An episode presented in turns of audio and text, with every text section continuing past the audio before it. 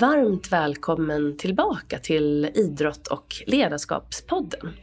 Det är dags för avsnitt 56 och i det här avsnittet ska du få träffa Anna Bäck. Och Anna är idag VD för Kivra som är Sveriges största digitala brevlåda. Och det är ett företag som växer så det knakar. Så vi kommer prata om Annas roll då som VD där som hon har haft sedan i mars i år. Så det blir mycket om ledarskap, både nycklar till framgång men också hur du hanterar motgångar som ledare. Till exempel när ditt team då möjligen inte drar i riktigt den riktning som, som du och företaget vill. Och vi kommer prata mycket om hållbarhet, både för klimat och människa eftersom det är en stor del av eh, Kivras eh, syfte, att just eh, jobba för en hållbarhet, både för klimat och människa som sagt.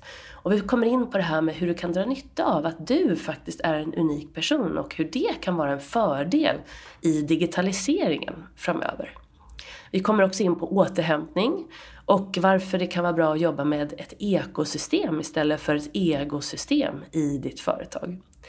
Så, och så kommer vi in såklart mycket på framtidstro som jag tycker är fantastiskt Eh, inspirerande. Så jag hoppas att du nu har tid och kan luta dig tillbaka, ta ett djupt andetag och så önskar jag dig en riktigt trevlig lyssning. Nu kör vi!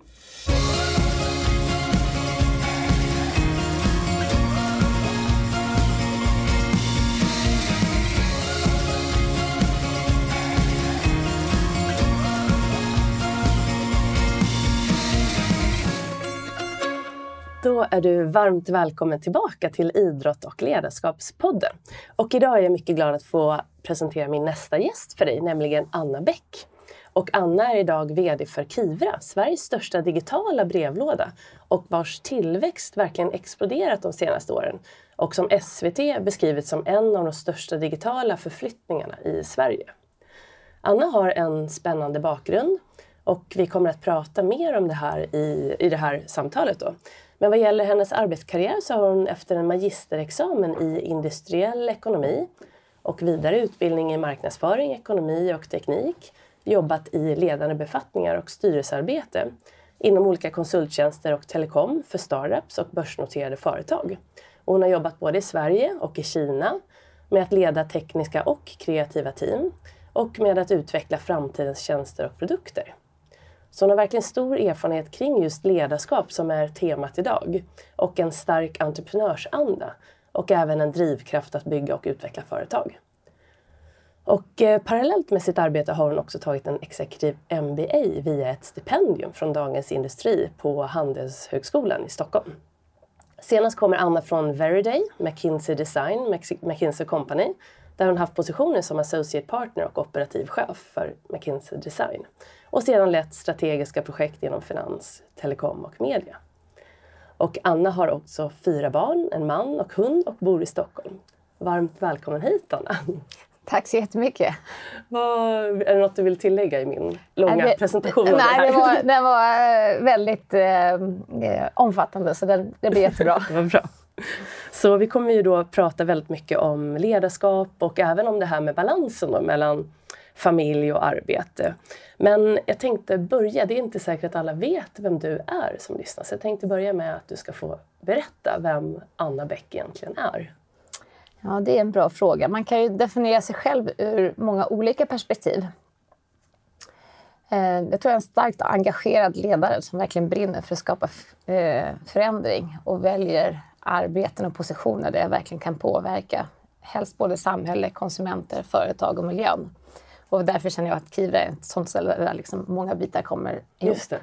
Mm. Sen gillar jag starkt att jobba med människor och se liksom magi när man i team kan skapa nya tjänster och produkter som är riktigt relevanta.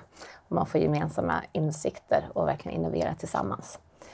Um, privat så gillar jag väldigt mycket friluftsliv um, och att hänga med familjen. Mm. Och um, hur kan en dag se ut i ditt liv idag?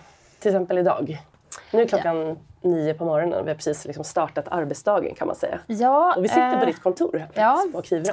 Eh, helst så lämnar jag på dagis på morgonen. Jag har en liten sladdis som är fyra. Eh, har jag möjlighet så cyklar jag till jobbet. Eh, det är en halvtimme cykel ungefär. Perfekt att eh, möjlighet att reflektera över dagen som kommer. Idag är det ju fantastiskt snöigt och vackert också. Eh, sen är det en dag ofta fullt med möten med olika personer. Eh, försöker hålla en hel del möten i mer workshopformat där man verkligen preppar och liksom gemensamt arbetar fram eh, olika bitar. Träffar en del kunder, samarbetspartners och så vidare. Mm. Ehm, och sen helst då cykla hem om, om möjligt. Det har varit rätt mycket kvällsevent den senaste tiden så det är inte alltid cykeln kommer med hem. Nej, just det. Och eh, du har ju ganska nyligen startat här som eh, VD på Kivra. Hur trivs du på ditt nya jobb? Och jag trivs fantastiskt bra. Det är superspännande. Man får verkligen starta eh, ja, någonting samhällsförändrande, någonting nytt och med väldigt starka värderingar.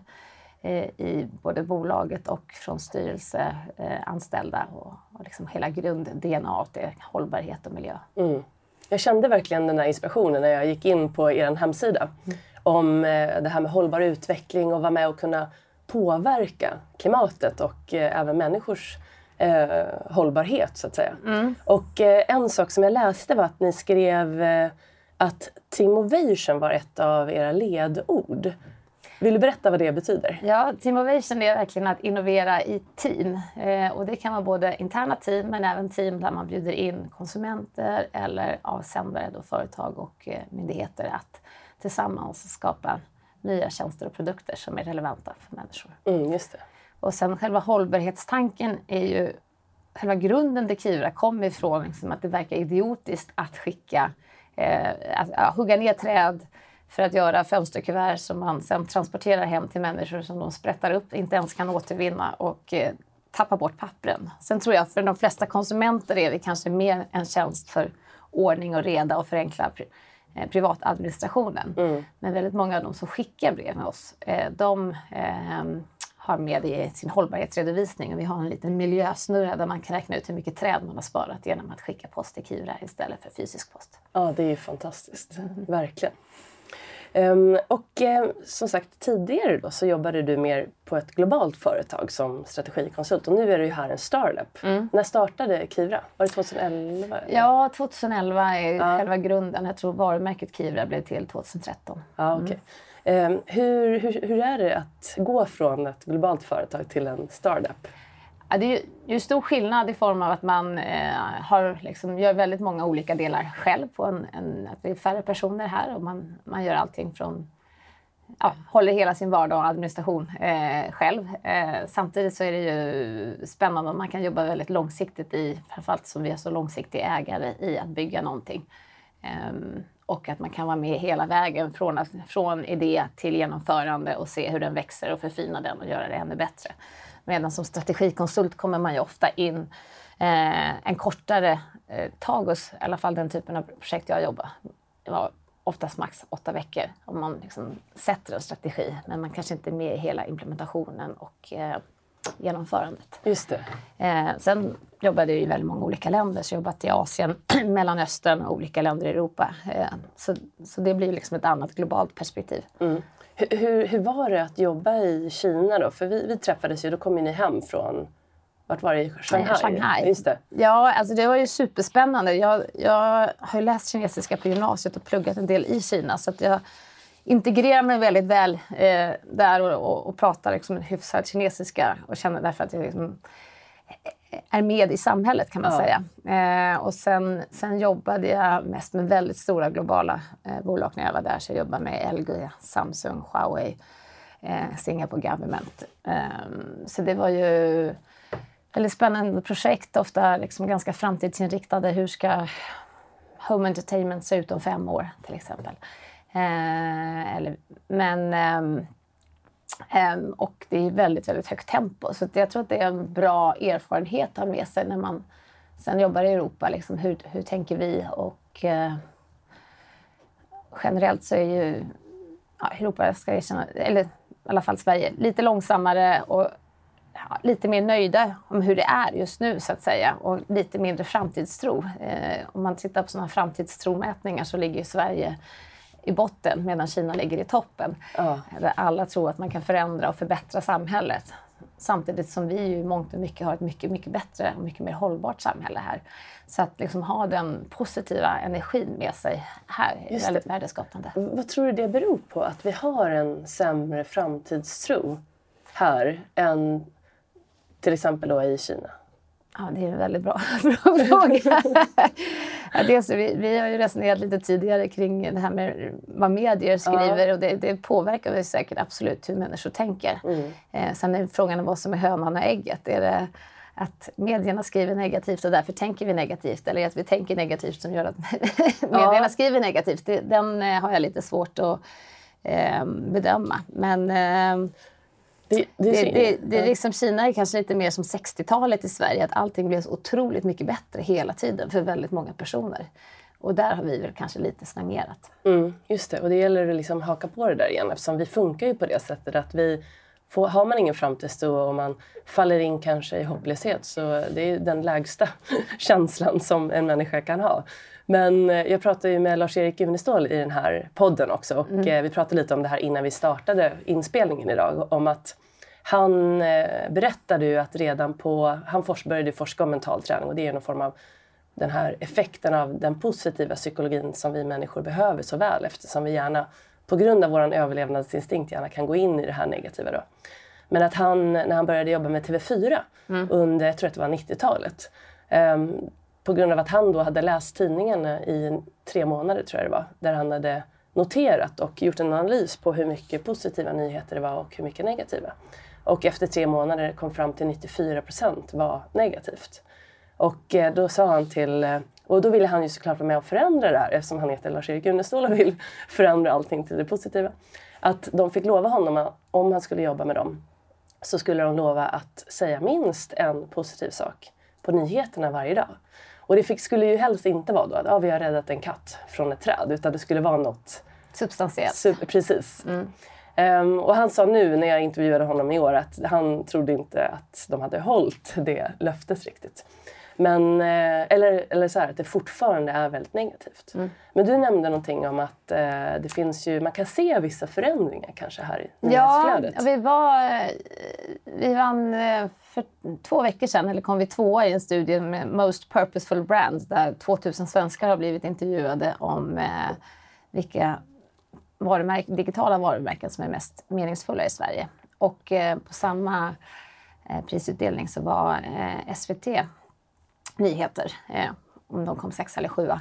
Eh, men eh, redaktionschefen därifrån eh, var med i en panel och han lyfte faktiskt just fram det att, medierna måste ta mer ansvar för att rapportera positiva nyheter. Och just att hela samtalet var väldigt mycket kring hållbarhet och liksom, driv vi ser nu där fler och fler går mot att bli klimatpositiva och så vidare. Men att man måste lyfta de bitarna också och visa på vad folk gör som går till positiva, inte bara allt det negativa. Nej precis, för om det leder till att man inte handlar eller att man in, inte blir handlingskraftig Mm. så finns det ju ingen vits alls. Så att vi behöver ju gå från ångest till handling. Ja, verkligen. absolut. Mm. Allihopa. Så um, ja, men det ska bli spännande att fortsätta och följa det där. Mm. Men vad kul att du hade sett den eh, skillnaden också när du var utomlands och att Sverige kommer så lågt, det visste jag inte. Att Mm. vi kommer så lågt i framtidstron. Men eh, så en, en viktig del i det här ändå med framtiden det är ju utbildning. Och det vet vi ju i hela världen att vi ju fler eh, som blir utbildade och förstår hur världen hänger ihop och hur vi alla hänger samman desto bättre kommer också framtiden bli för alla. Och då tänkte vi skulle prata lite om din bakgrund och din karriär också. Och den är ju väldigt stark akademisk. Har det alltid varit självklart för dig att satsa på en bra utbildning? Ja, alltså från början var det väldigt självklart. Också, och verkligen med den bilden att eh, ju bredare utbildning jag har, ju mer kan jag välja resten av livet. Att jag visste liksom inte vad jag ville bli. Så först läste jag natur på gymnasiet, för då kan man välja allt. Och sen väl, valde jag industriell ekonomi i Linköping, för då efter det kan man också göra allt. Inte, man kan inte vara läkare och jurist, men det mesta annat.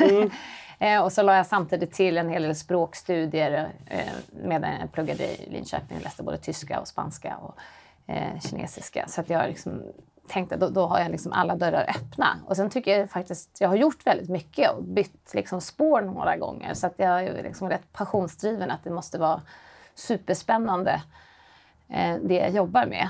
Eh, och liksom den kontexten man är i med de människorna runt omkring sig. Eh, sen att jag läste en MBA, eh, det var lite av en slump måste jag erkänna. Jag hade, kände mig lite ostimulerad på jobbet. Eh, min man nominerade mig till Dagens Industris eh, stipendium och sen då blev det som en tävling för mig. Så jag hoppade på det där att, att liksom ansökningsprocessen, när man skulle göra matteprov, man skulle göra engelska prov, man skulle skriva uppsats och bli intervjuad av en, en grupp som valde eh, vem som skulle få stipendiet. Och just då kom jag bara liksom in i tävlingsmode. Eh, sen vann jag stipendiet och då blev det liksom chocken. Shit, jag måste sitta i skolbänken i två år. Eh, det här är ju jättestort. Eh, men eh, man kan ju inte heller inte göra det om man får ett stipendium som då var värt 400 000 tror jag. Helt otroligt. Så då gjorde jag det. Ja. Eh, och då kände jag faktiskt att det var som ett liksom, brain spa. Att man har så mycket runt omkring sig och man ska alltid leverera till andra personer lite grann. Eh, och genom att det var jag själv som hade valt att läsa det och eh, den som betalade var ju liksom en oberoende part så kände jag att det här gör jag verkligen för min skull. Och som kunde liksom sjunka ner i skolbänken, ta tillvara på fantastiska föreläsningar, jättespännande diskussioner med människor från massa olika branscher och åldrar och bakgrunder. Eh, så att, eh, ja, det var väldigt lyxigt, även om intensivt. Mm, När var det du gjorde det här? Det var 2012 och 2013. Ja, just det. Ja, otroligt att du fick ett stipendium. Grattis verkligen. Tack! Och eh, vad var det i teknikbranschen som lockade dig? Jag har väl sett liksom en teknik som möjliggörare för rätt stora skiften i människors liv. Så när jag, det första jobbet jag hade började 1998 på Glocalnet och då var ju, fanns det ju bara eller ganska, fram till ganska nyss innan hade det ju bara funnits en teleoperatör. Och liksom, det var väldigt dyrt att ringa. Eh, när mina föräldrar bodde i Malaysia på 70-talet då var det för dyrt för att ringa hem så de skickade eh, såna här kassetter så han hade spelat in ljudband hem. Så liksom, det fanns mer liksom, möjliggörare än att liksom, förändra en bransch. Så Glocanet var en startup inom telekom och jag kommer ihåg vi dumpade priset. Det kostade en krona att ringa till USA. Innan hade det kanske kostat fem. Men alla, liksom, de här skapar ju helt andra strukturer, helt andra sätt för människor att kommunicera med varandra. Eh, och sen ser man ju det inom massa branscher som inte jag har varit verksam i heller. Men, men eh, allting som har hänt med liksom att den smarta telefonen har blivit liksom centrum och du bär med dig allt du behöver. Bank, eh, betalningar, eh, tele, telekom, hälsoappar, allting gör ju att du skapar en väldig mobilitet i dina brev i Kivra. Mm. Eh, men sen också om man ser transporter och vad som händer, liksom, hur, man, hur man rör sig och förflyttar sig i världen. Det är ju superspännande och mycket, mycket möj möjliggörs ju av, av tekniska lösningar Mm, faktiskt. just det. Och eh, jag tänkte på, nu är vi inne på det här med digitalisering då. Mm. Och Kivra håll, digitaler, digitaliserar ju verkligen brevbranschen och snart även kvitton, Mm. fick jag reda på. Eh, hur ser du på det här med digitaliseringen och eh, apropå nyheterna då, Mm. som eh, brukar då uppmärksamma, inte bara det positiva utan kanske då det negativa, om att må- många jobb försvinner. Men när man kommer in här så har ju ni vuxit och anställt hur mycket människor som helst Mm. under en ganska kort tid. Men hur ser du på just framtidens jobb ihop med digitaliseringen? Ja, alltså jag ser ju att, att många jobb försvinner, men det skapas också andra jobb. Och man pratar väldigt mycket om det och vi är med lite i ehm, eh, Wallens- Wallenbergssfären, är väldigt, som är en av de stora ägarna i oss eh, via FAM, är väldigt engagerad i Eh, man startar något som heter Forum för omställning, där man liksom, hur man ställer om Sverige eh, och där man skapar enorma så här, internutbildningsprogram på stora företag. Eh, och liksom titta, så jag tror det handlar ju väldigt mycket om att lyckas också motivera människor att vilja lära hela livet. Och där ser jag också, så, när jag jobbar i Kina och när jag anställde människor där, så alla var ju så otroligt måna om att skapa sig själv, alltså göra sig själv eh, konkurrenskraftiga. Och kom liksom ofta upp i intervjuer när man frågar vilken bra engelska du pratar om. Man säger ja, ja, men jag måste ju liksom stå ut. Vi är ju så otroligt många och där eh, utexamineras ju flera miljoner civilingenjörer varje år. Hur är man unik på en sån marknad? I Sverige har vi kanske inte haft en eh, alltså, att vi, har känt att vi måste hela tiden eh, hålla oss liksom, konkurrenskraftiga, kunna det senaste och så vidare. Men jag tror att det att skapa den eh, motivationskraften hos olika personer. Det är mm. fantastiskt. Jag måste nämna att jag var intervjuad för ett tag sedan av en annan person, en man i 50-årsåldern. och han, eh, så såg jag bara i hans eh, anteckningsblock som fantastiskt vackra skisser. Så då frågade jag, skissar du? Ja, jag kom fram till när jag fyllde 50 att jag verkligen, verkligen vill lära mig att skissa. Och att det var ju något som jag drömde om när jag var liten. Så nu skissar jag tre timmar om dagen för att jag vill bli Sveriges bästa tecknare. Och jag tänkte, wow! Alltså, det här har ju inget med digitalisering att göra, men det är ju liksom en stark drivkraft att bli jätteduktig inom något område. Ja. Eh, och det gäller väl det, hitta sin egen passion. Sen är det ju, ja, måste man ju hålla passionen i lite line med vad som finns och, och, och försörja sig ja. med också. Men det kan, kan, det vara så att digitalisering kan kanske man ska säga, tvinga oss att mer våga gå på vår passion istället för att följa så att säga, mainstream? Så att säga. Just det här jag tänker på eh, jag läste precis en bok som heter Ikigai om att hitta mm. sin livsuppgift. Och det mm. har ju de gjort, de som lever längst i världen. Det var det boken handlade om i Okinawa. Mm. Alla har en livsuppgift och de nämnde ju framförallt det här att de upplevde att de blev bättre ju äldre de var. Så några sa ju det att inte först jag nådde 80 så blev jag liksom jätteduktig på mitt arbete. Nej. Men att just eh, våga hitta sin passion, för att vi alla är ju unika. Oavsett, så att digitaliseringen gör ju kanske att det där blir ännu viktigare att gå och våga leta efter våran unika kompetens. För att vi måste kanske sticka ut då ja. lite mer. Ja, nej men, det, nej men så kan det vara. Och sen tror jag också att man liksom ska inte vara rädd för teknik. Eh, och sen får man nog ibland också skapa sin passion i, i någonting som går att göra. Så att ja, säga. Ja. Men eh, ja, våran äldsta, vi är, anställde nyligen en 67-årig programmerare. Så att jag, det finns ju folk i, i alla åldrar och det är inte så att man, bara för att man jobbar på en digital startup så är det liksom bara ungdomar som kan jobba där. Det var bra att du sa det. Ja. För det tror, ju, tror man ju, att det ska vara väldigt mycket unga människor som är på de här startups. Mm. Ja. Nej, nej jag, jag, jag, tror på en, en bred spektra av olika ja. eh, människor. Ja. Och att man är aldrig för gammal, så länge man är pigg och frisk. Och, och ju, ju, mer man... Man blir ju också yngre i sinnet, så att säga, när man får möjligheter och vet att det finns möjligheter även efter 65. Mm, Coolt. Så det här med ledarskap då. Mm. Jag vet att du är en fantastisk ledare. Eh, och under resans gång så har du ju då gått de här ledarskapsutbildningarna och utbildat dig. Men också fått erfarenhet genom alla dina jobb. Eh, och då undrar jag, vad skulle du säga är dina framgångsfaktorer? För att vara en bra ledare? Ehm, jag tror lyhördhet är, väldigt viktigt, att kunna lyssna, på riktigt lyssna. Inte ha en bestämd förutfattad mening utan eh, kunna höra på vad folk säger. Eh, sen ett mod att våga ta beslut. Så bara för att man lyssnar så behöver man inte alltid göra som andra säger. Eh, att man är engagerad och eh, sätter sig in och förstår olika människors eh, arbetssituation. Eh, och sen eh, en stark vision och förmågan att kommunicera den.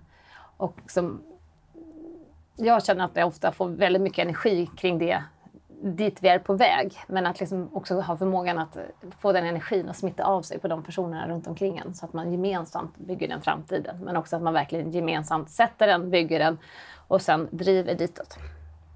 Just det.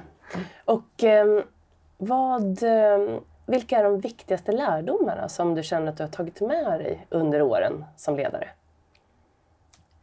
Det handlar väldigt mycket om, eh, om att få människor att jobba tillsammans. Jag älskar att jobba med liksom djupa experter och man får gärna ha folk som är rätt annorlunda. Eh, alltså att inte alla är stöpta i samma form. Och, eh, men att, att jag blir lite facilitatorn att få de här personerna att jobba tillsammans. Och då, om man får ett högt i tak och verkligen kan uttrycka sig och liksom lite det får vara lite friktion på vägen men det är då liksom de riktigt magiska lösningarna kommer fram. Just det. Och sen att man har en, en kultur där, eh, där allas input verkligen räknas. Eh, så vi är väldigt måna, vi sitter ju alla i ett eh, rum. Eh, allt från kundsupport, eh, till sälj till eh, tech av olika slag och jurister och så vidare. Och, det, och försöker skapa ett klimat där liksom man äter ihop, man gör gemensamma saker och alla på företaget är inkluderade i väldigt mycket av det vi gör och eh, allas input räknas. Mm, just det. Och vilka är de största utmaningarna du har varit med om? Ja, en stor utmaning jag hade som jag också lärde mig mycket av, det var när jag hade jobbat på Glocanet så var jag under fem år eh, CTO, CIO, så ansvarig för hela tech-delen och tyckte att jag byggde en techavdelning som var den mest kundvänliga man kan tänka sig. Eh, sen eh, bytte jag och blev ansvarig för eh, kundservice. Jag blev CEO och där underlåg kundservice också. Och eh, insåg då att eh, man från kundservice hade relativt dåligt självförtroende mot tech. Så när man ställde krav och så sa de det går inte, då bara backade man. Istället för att liksom säga ja, för oss är det värt två miljoner att vi gör det här i besparingar för det blir bättre för slutkunden. Eh, vad kostar det på er sida? Så att säga. Ja, det. Eh, det kanske kostar 200 000. Att det inte går var att de behövde köpa en, två nya servrar eller någonting. Eh, och det, det här är liksom vilken utmaning det är att få folk att prata samma språk eh, och också kunna liksom lyfta fram vad verkligen så affärsnytta eller kundnytta är och att man liksom jämför på samma premisser. Och också liksom utbildningsnivåer och roller skapar väldigt olika ojämlikheter i eh, självförtroende och att tech oftast är liksom någon slags magiskt svart hål för många andra. Och då, så man liksom ifrågasätter inte vad en tekniker säger Nej. eller en ingenjör säger. Just det. Så förr i tiden så fanns det något som hette job rotation. Mm. Har ni det? Har du varit med om det nu? Har du jobbat med det? Ehm, Apropå att lära känna varandra. varandra. Ja, mm. alltså, hade vi alla medlyssnar i supporten för att höra liksom, vad konsumenter säger. Och sen jag personligen som försöker liksom vara med i ganska många olika konstellationer. Jag är ute och träffar kunder, jag sitter med tech, jag sitter med produktägarna. Eh, jag hade första halvåret ingen plats eh, på jobbet, alltså ingen eh, sittplats utan försökte sitta med alla avdelningar. Sen blev vi så många så det fanns inga sittplatser kvar så satt jag i köket så nu, eh, nu har jag en egen plats. Eh, men, men det är väldigt liksom, nyttigt för att lyssna in. Sen eh, för mer så här, gemene för alla anställda har vi med att vi försöker liksom jobba i tvärfunktionella team. Ibland har, har hållit en del stora workshops där vi bjuder in även konsumenter och var med varje eh, team som då helst ska bestå av personer från alla olika delar i företaget. Eh, Få intervjua den här konsumenten och förstå vad är dens behov och hur kan vi vara mer relevanta och lösa mm. verkliga problem hos folk. Mm. Ja, coolt. Um, och um, när, du upp, när du upptäcker liksom olikheter på arbetsplatsen, det har du säkert gjort genom alla, alla år som, som ledare. Uh, hur hanterar du till exempel ett, ett, team då? Om du märker att, att de, drar, de är väldigt olika, de börjar dra åt lite olika riktningar kanske och och det blir olikheter så att det skapar kanske lite onödiga konflikter. Så hur, hur tacklar du det? Ja, dels försöker jag att få folk att verkligen prata med varandra så att man inte går in och försöker lösa för tidigt. Eh, men sen ganska mycket brukar jag gå tillbaka till liksom, vad är det för problem vi försöker lösa. Och att man kanske utgår från liksom, kundresan eller någonting istället så att man får en gemensam bild av Eh, Eh, hela situationen. Det kan ju vara, även på ett litet företag som här, så kan det ju vara, liksom, några jobbar kanske med början av eh, onboardingen av en kund och några jobbar med slutet eh, av, eller hanteringen långsiktigt. Och så är man lite oense om hur det ska hänga ihop. Om man då sätter sig tillsammans så liksom lite, hur är upplevelsen för kunden istället? Helst intervjuar ett par kunder och liksom ser hur, hur deras upplevelse och sen så nu ska vi lösa det här så det blir bäst för dem. Mm. Då kan man liksom kliva ur sin egen roll och funktion och mer börja tänka på okej, okay, hur löser vi deras problem? Eh, och kanske hitta eh, gemensamma bilder eh, och eh, ta sig vidare därifrån. Just det. Nu när ni har växt så snabbt, mm. Eh, hur länge, du hade varit här sen... När kom sen i mars har jag sen varit i mars, här. Ja, precis. Så det är åtta, vad är det, åtta månader. Och ni har säkert, har ni fort, fortsatt liksom växa i samma takt? Som eh, har... Ja, inom, inom egentligen alla bitar. Mm. Så både antal anställda och eh, de som skickar post som vi kallar för avsändare och användare. Mm. Just det. Har du så att de nya då får genomgå eh, en, har rutiner för hur de så att säga, ska komma in i den här gemensamma bilden och så att du kan följa upp så att de också hakar på teamet så att säga, som då växer ganska snabbt? Mm, ja, dels har vi ett ganska liksom, gediget introprogram. Det är rätt mycket så att säga, legala aspekter och säkerhetsaspekter i, i den verksamhet mm. vi har. Så det är rätt mycket saker man måste lära sig som liksom en onboarding och som eh, liksom fundamenten för att allting ska fungera. Men sen eh, också att man med liksom ganska stor frekvens får upp, upprepa en del grejer kring liksom värdegrund och mm. eh, även mål och vision och så vidare. Eh, så att eh, genom att det är så pass många nya personer så sen lite grann även de som är här. Man kan, vissa saker kan man inte upprepa för många gånger. Nej, precis, säga. Eh, men sen har vi också liksom, eh, årligen vissa så att säga, utbild, utbildningar av de viktiga bitarna eh, för hela företaget. Eh, och sen har vi kanske en gång i kvartalen så det så att workshop och eh, genomgång och liksom där vi försöker liksom lyfta oss ytterligare ett steg. Just det. Ja, spännande.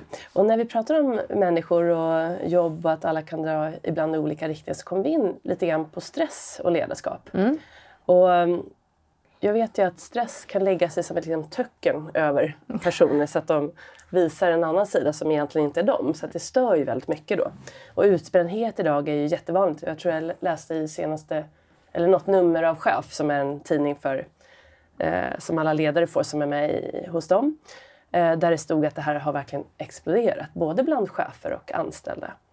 Och du möter ju många chefer också, ledare och även personal. Så känner du igen det här Eh, om att stressen har ökat?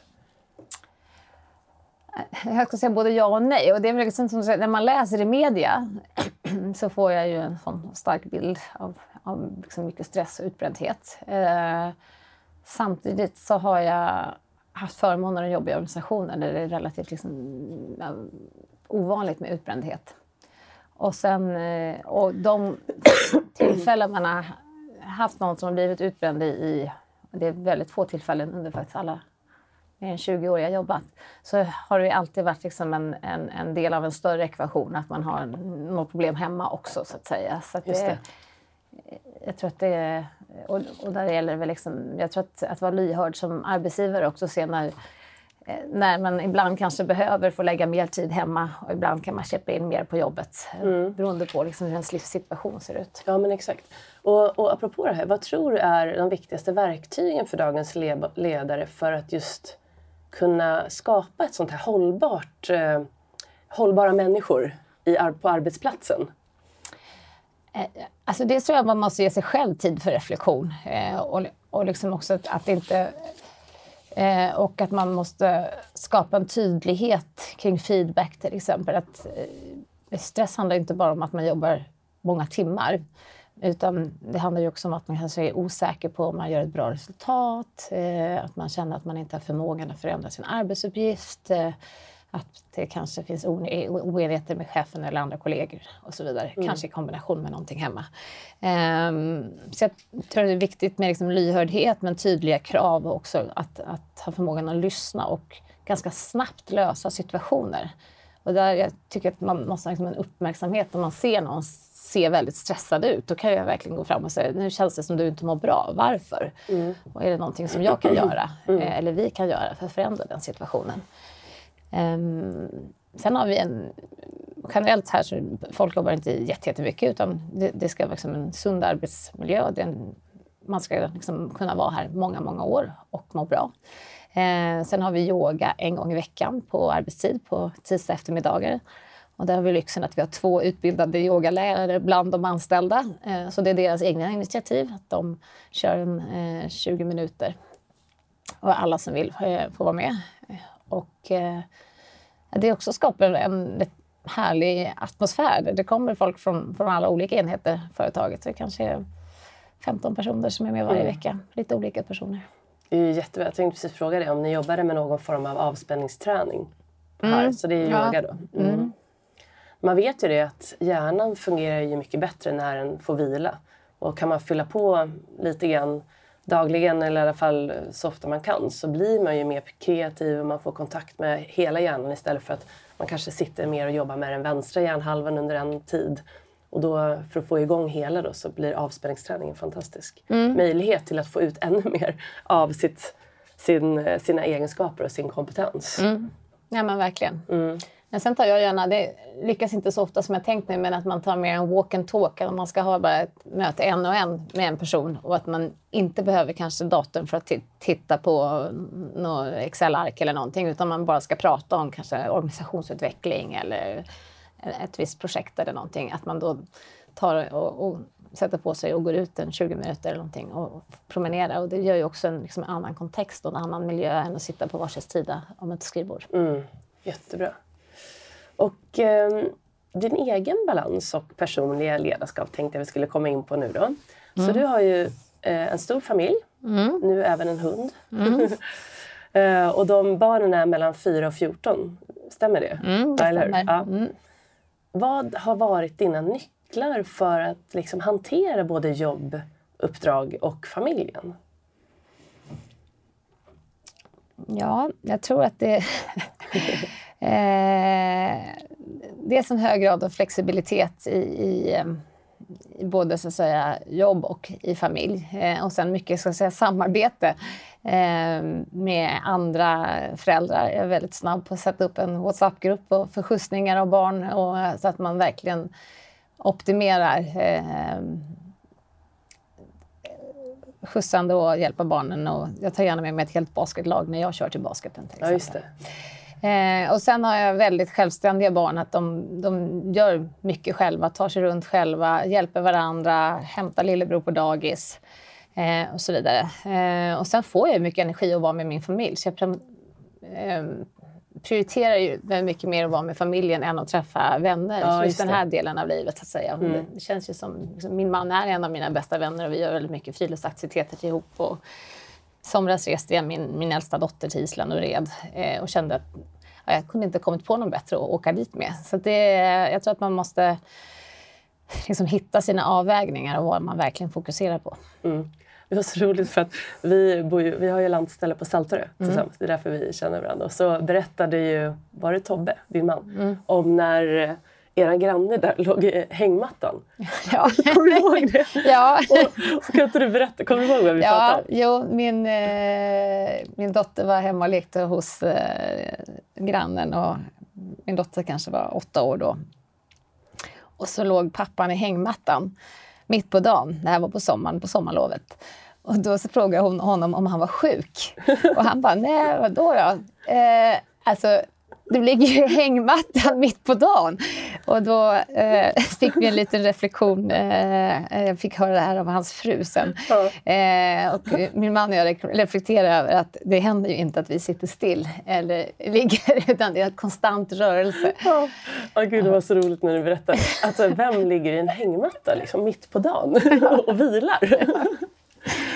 Men det är ju det. Aktivitet är ju också vila på ett sätt. Ja, för, mig, för mig är nog faktiskt aktivitet mer vila. Alltså att, eh, att cykla, att åka längdskidor tycker jag nog är det absolut bästa. Mm. Eh, Jag har börjat spela rätt mycket tennis på sistone och det är ju eh, mer matcher. Liksom. Och då eh, är det ju en totalt fokus i en timme just där och då. Väldigt liksom, Mm.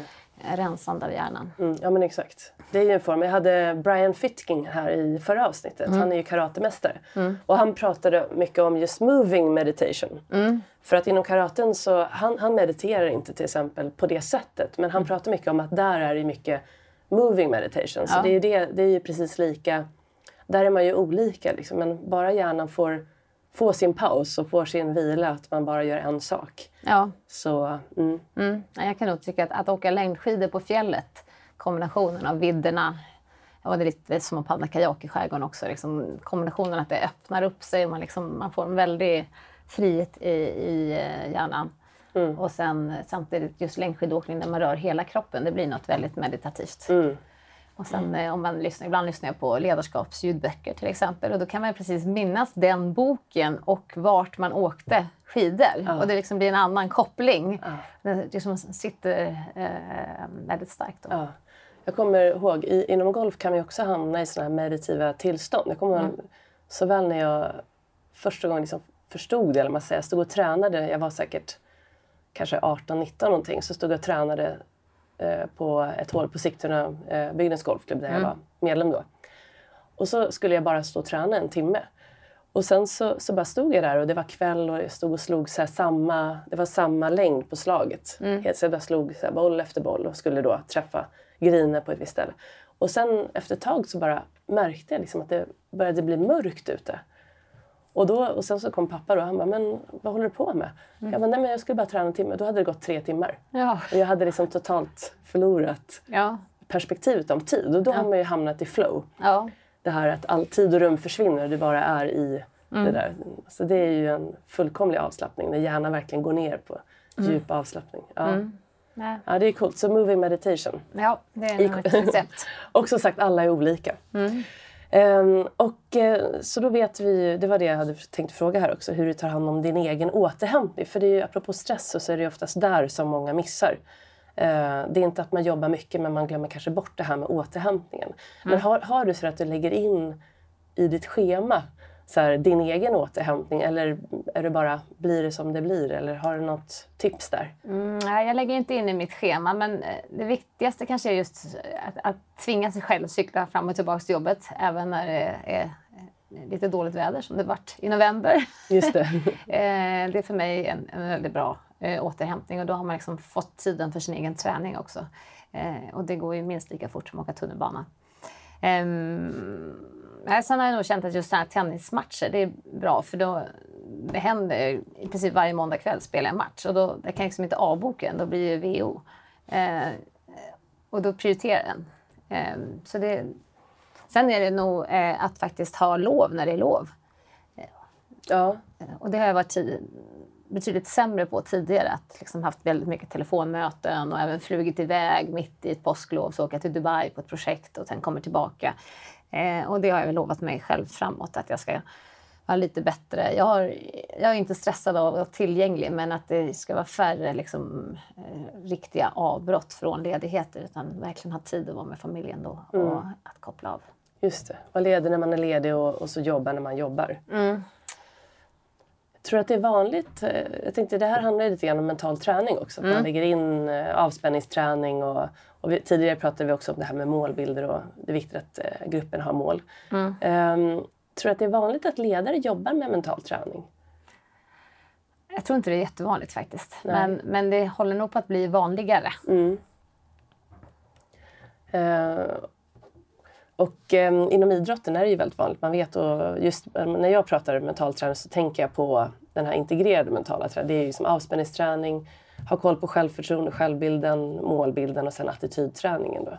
Så jag tror att många kanske inte vet, de, man kanske kan man gör mental träning fast man inte vet om det riktigt. Så Ja, ni- nej, men ja. det, det, så kan det nog vara. Mm. Och Men, jag, jag har ofta, alltså, alltså, när jag just när jag cyklar till jobbet, då sätter jag ofta upp ett mål vad jag ska tänka på på den cykelturen. Mm. Eh, så att antingen så är det liksom att nu ska jag försöka lösa det här problemet eller verkligen fundera på den här liksom, frågeställningen Mm. eh, i 30 minuter. Eh, eller så kan det ibland vara också, jag ska bara cykla så fort jag kan och cykla om så många jag kan och liksom bara rensa hjärnan och inte tänka på någonting mer än att inte krocka. Nej, precis. så, det, så det kan vara olika. Så det är ju en slags, så att säga, eh, ja, att, att man sätter en målbild för Verkligen. den cykelturen. Ja, verkligen. Det blir liksom precis, man, man kan ha allt från de här stora målen eller lång, långsiktiga målen som kan bli mer som visioner till de här riktigt korta för att om man tänker just för dagen eller för cykelturen för att liksom orka. För att har man ett mål så ger det ju energi i nuet. Ja. Har man inte det här målet så kan man lättare ge upp. Jag gjorde en, en helt galen grej för att testa min egen så här, eh, karaktär efter att jag hade återigen träffat eh, Brian Fitkin. För Han pratade om att just den där inre dialogen, när den kommer och frågar till exempel om du har bestämt dig för att cykla då, från Bromma och hit. Eh, och så kanske det blir jobbigt och det motvind och så, bara, så kommer den där inre rösten liksom och säger nej men nu, nu bara gå, lägg, lägg ner eller Mm. jag ska absolut inte cykla hem idag. Eller du vet, det kommer Mm. så negativa tankar. Det, det du svarar på det då, det är liksom det som bygger din karaktär. Mm.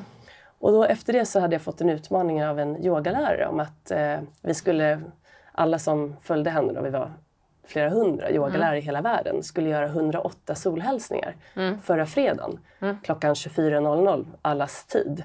Och så skulle vi skicka ut goda tankar till världen. Och hon var från Colombia så det, här, det är mycket oroligheter där. Så att, Och apropå inom yogan så tror man ju mycket på att skicka ut goda tankar och god så sprider det god energi. Och då så bestämde jag mig att jag ska göra det här och så ska jag se om jag orkar och pallar. Och jag hade ingen aning om hur lång tid det här skulle ta. Men jag vet, att det kommer ta ganska lång tid. En solhälsning tar kanske två, tre minuter att göra. Så började jag och när jag hade gjort då 40 stycken, då kom den här inre dialogen. Men varför håller jag på med det här? Det här behöver inte jag göra. Nu, nu slutar jag. Och så, men då ringde då Brians liksom, röst i mina öron. Så här, vad, säger, vad svarar du på din inre dialog när den säger att du ska ge upp?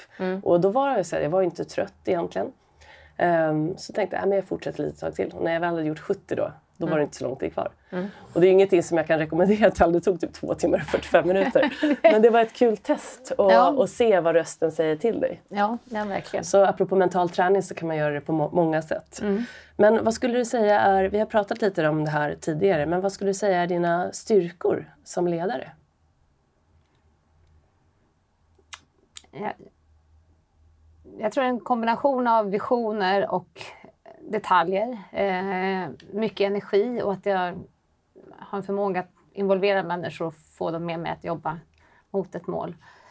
Eh, ganska modig att, att, att våga ta beslut och snabb på att ta beslut. Eh, och lyhörd på att lyssna in. Ja, det, det märker man verkligen. Och när du, eh, om du nu vet de här som lyssnar, det kanske är några ledare som lyssnar på det här. Eh, vad skulle du säga är dina bästa tips liksom för, eh, nu, nu var jag inne på återhämtning faktiskt till att börja med. Hur ska man få in det här? Om vi nu säger att det är en nyckel för eh, att börja vara en bra ledare, att du börjar med din egen återhämtning och din egen påfyllning. Hur kan man få in det som ledare i sin vardag? När man har Jag, mycket jag tror man måste hitta sin egen form, att det passar väldigt olika för olika personer. Eh, alltså en kombination av liksom mikroåterhämtningsåterhämtningar, att man få de här små stunderna. Jag läser ganska mycket böcker till exempel. Det är för mig en, liksom, då sugs jag in i en annan eh, atmosfär och, och lever där. Sen kanske det blir väldigt lite nu, så jag börjar lyssna mer på ljudböcker. Det kan man ju göra när man flyger, när man går, eh, när man liksom rör sig, väntar, står i kassakön och så vidare. Eh, och, eh, men sen att, att röra på sig, eller det beror lite på. För mig är det mer röra på sig än, än, än eh, meditera kanske. Jag går på yoga någon gång ibland. Men eh, att, att verkligen hitta sin egen form och så känna efter. Mm. Ehm, Mm. Mm. Och hur tror du att framtidens ledarskap ser ut? Eh, Ja, det är en bra fråga. Jag tror det, väldigt, det handlar väldigt mycket just om att, att leda, att, att sätta visioner, eh, men att vara väldigt involverande.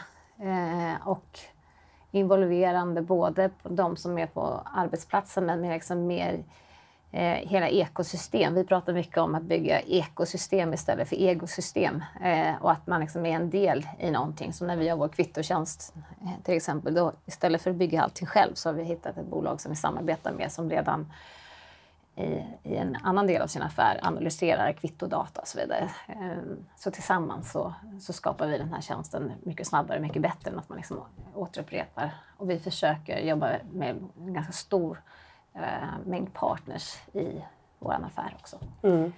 Eh, och där pratar vi mycket om happy happy. Det finns en intressant föreläsare som läser om att happy happy är liksom det nya istället för win-win. Ja. Och det är liksom just att verkligen förstå eh, vad de olika parterna vill ha ut av någonting och därmed skapa ännu bättre lösningar. Vi brukar använda pumpan som, som en enkel metafor. Och, eh, om du har en pumpa så är det två personer som vill dela på den. Om du bara skär den på mitten utan att fråga vad var och en vill ha den så kanske den blir rätt så meningslös för båda. Istället om man diskuterar att ja, men jag hade tänkt göra en, en, eh, halloweenlykta och jag tänkte göra pumpasoppa. Då kan vi dela den med att jag får innehållet och du får, får eh, skalet och då det är en happy happy lösning. Då får vi egentligen 100 procent av det vi ville ha båda två fast vi delade pumpan i hälften kan man säga. Så att liksom hitta den typen av lösningar och verkligen tänka på eh, liksom hur vi bygger mot hållbarhet och hur vi bygger gemensamma system. Det tror jag är väldigt mycket framtidens ledarskap. Just det, och, och för att kunna vara en ledare i den här framtiden, vad tror du man behöver jobba med och utveckla för egna egenskaper?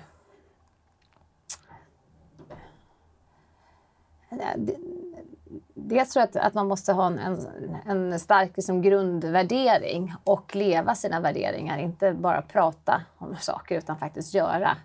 Um, jag brukar prata om eh, story doing istället för storytelling. Och jag tror att innan sociala medier då kunde man göra storytelling och leva på den. Många varumärken. För att, uh, det var inte så lätt att sprida information.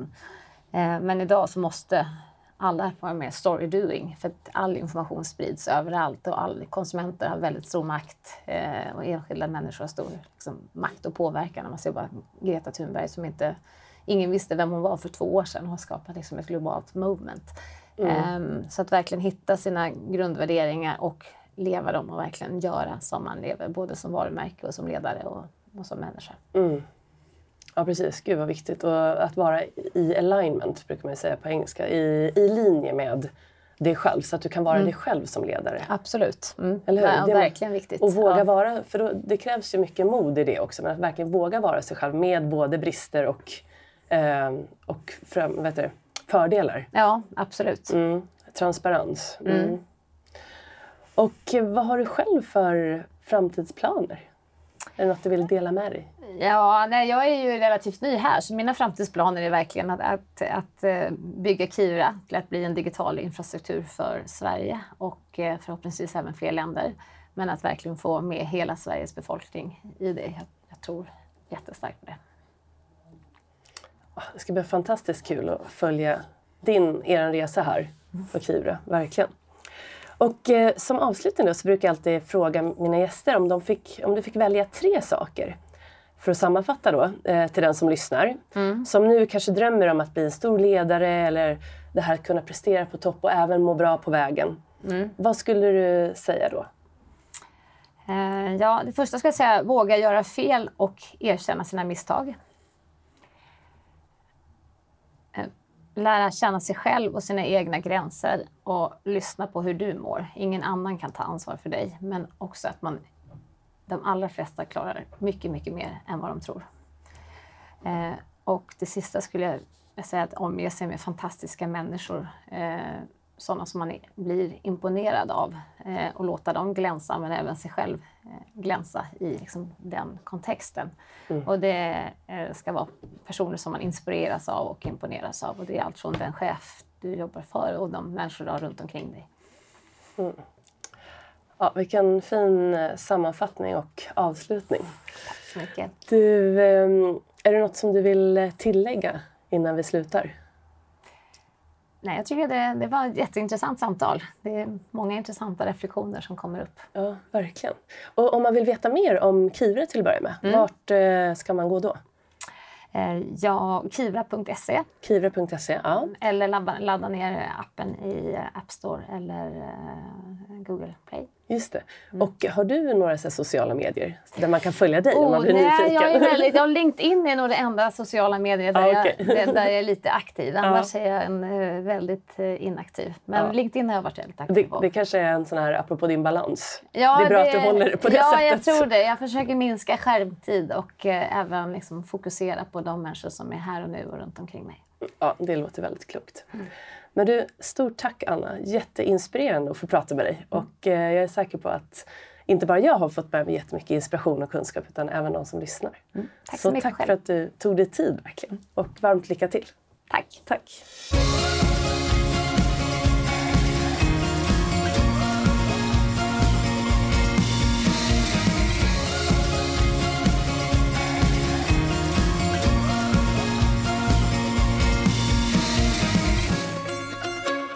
Då har du fått lyssna till mitt och eh, Annas samtal och jag hoppas eh, verkligen att du har fått med dig många nycklar och eh, verktyg och inspiration som du kan ta med dig in i din egen vardag. Och eh, det här var min sista gäst för året eh, och jag hoppas verkligen att du har fått möjlighet att lyssna på dem alla. Det här var säsong 7 och eh, det finns då som sagt 56 avsnitt ute så att nu kan du passa på och kanske lyssna på dem här under din ledighet över jul och nyår. Och jag är verkligen tacksam att du är här och lyssnar och jag hoppas som sagt att du får med dig väldigt mycket av verktyg och inspiration som sagt som du kan använda där du behöver. Och vill du lyssna på fler avsnitt så hittar du då Idrott och ledarskapspodden överallt där poddar finns och även på Spotify. Och vill du veta lite mer om vad som händer framöver så kan du följa mig på min hemsida www.jennyhagman.com eller på Instagram där jag heter snabela snabel då och så Jenny underscore Hagman. Och där ger jag också lite tips och råd om eh, både ledarskap och mental träning och annat smått och gott. Så jag önskar dig en fortsatt härlig dag eller kväll och om vi inte hörs innan dess så önskar jag dig också en riktigt god jul och gott nytt år. Många kramar och eh, ta hand om dig så hoppas jag att vi ses snart igen. Hejdå!